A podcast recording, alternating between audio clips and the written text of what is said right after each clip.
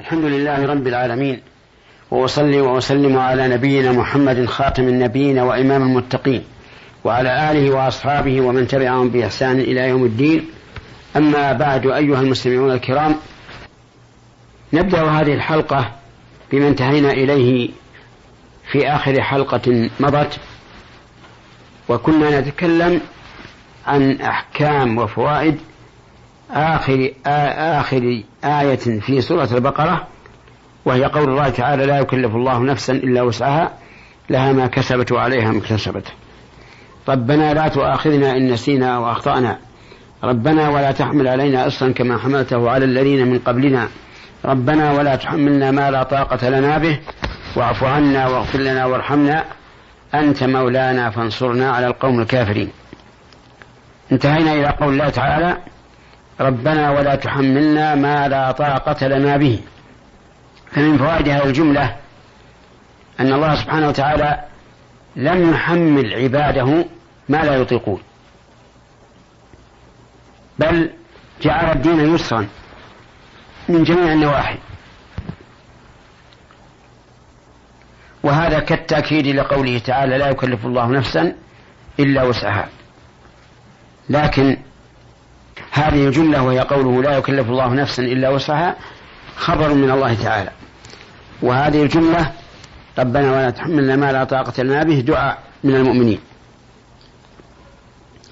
ومن فوائد الآية الكريمة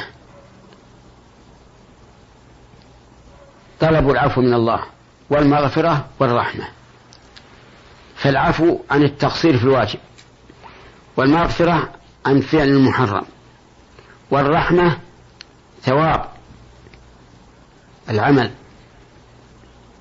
والتوفيق للعمل الصالح.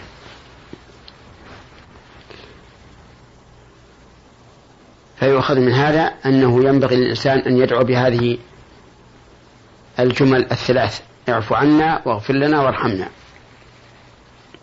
من فوائد الآية الكريمة أن الله تعالى مولى المؤمنين لقول الله تعالى أنت مولانا.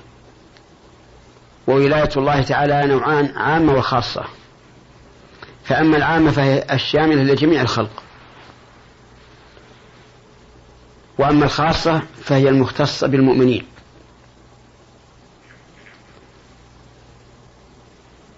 فكل أحد فالله مولاه يتولاه ويتصرف فيه كما يشاء. وكل مؤمن فإن الله تعالى قد تولاه توليا خاصا. وفقه به للإيمان والعمل الصالح. والمراد هنا أنت مولانا الولاية الخاصة. من فوائد الآية الكريمة طلب النصر على القوم الكافرين. سواء كان النصر بالقول أو بالفعل. النصر بالقول هو ظهور حجة المسلمين ودحر حجة الكافرين. والنصر بالفعل هو أن يكون قتال بيننا وبين أعدائنا الكفار فينصرنا الله تعالى عليهم. أنت مولانا فانصرنا على القوم الكافرين. وليعلم إخوتنا المستمعون أن هذه الآية والتي قبلها إذا قرأهم الإنسان في ليلة كفتاه أي في الحفظ والرعاية والدعاء لأنهما اشتملتا على كل مصالح الدين والدنيا.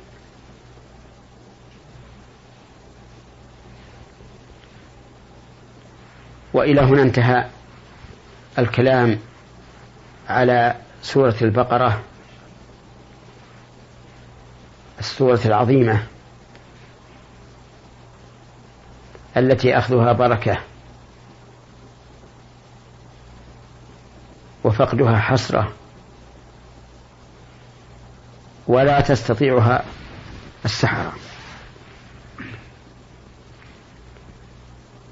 ننتقل إلى السورة الثانية وهي أختها التي أمر النبي صلى الله عليه وسلم بقراءتها مع البقرة فقال اقرأوا الزهراوين البقرة وآل عمران فإنهما يأتيان يوم القيامة كأنهما غمامتان أو غايتان أو فرقان من طير صواف يحاجان عن صاحبهما يوم القيامة.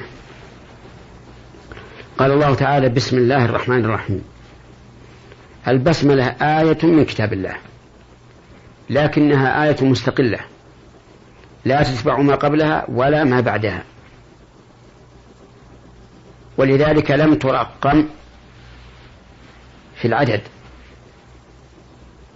إلا في سورة الفاتحة فقد رقمت ولكن ترقيمها في سورة الفاتحة على قول من أقوال أهل العلم والصحيح أنها لا ترقم ولا في الفاتحة لأنها ليست سورة من ليست آية من الفاتحة.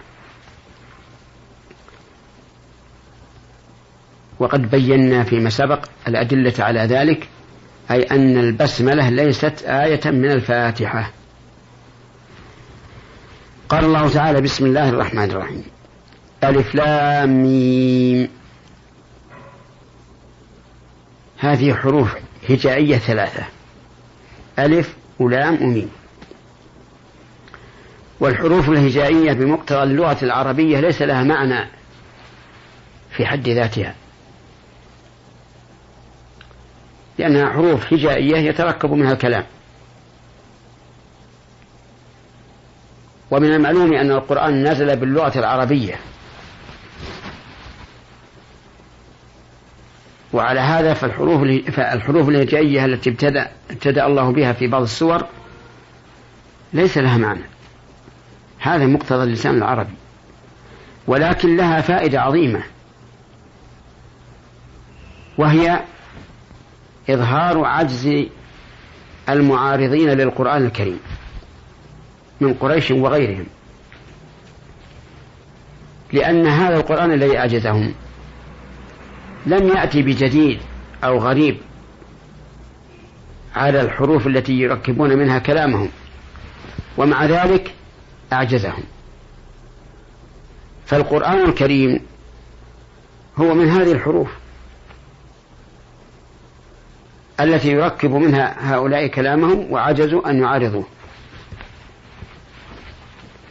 هذا هو المرجع ولذلك لا تجد سورة مبدوءة بهذه الحروف الهجائية إلا وبعدها ذكر القرآن مباشرة. أو ذكر ما لا يمكن العلم به إلا بوحي. مثل ألف لام ميم غلبت الروم في هذه الأرض. قال الله لا إله إلا هو الحي القيوم. هذه الآية بعض آية من آية الكرسي. يخبر الله بها عن نفسه أنه المتوحد بالألوهية. لا إله إلا هو. وأنه كامل الحياة والقيومية.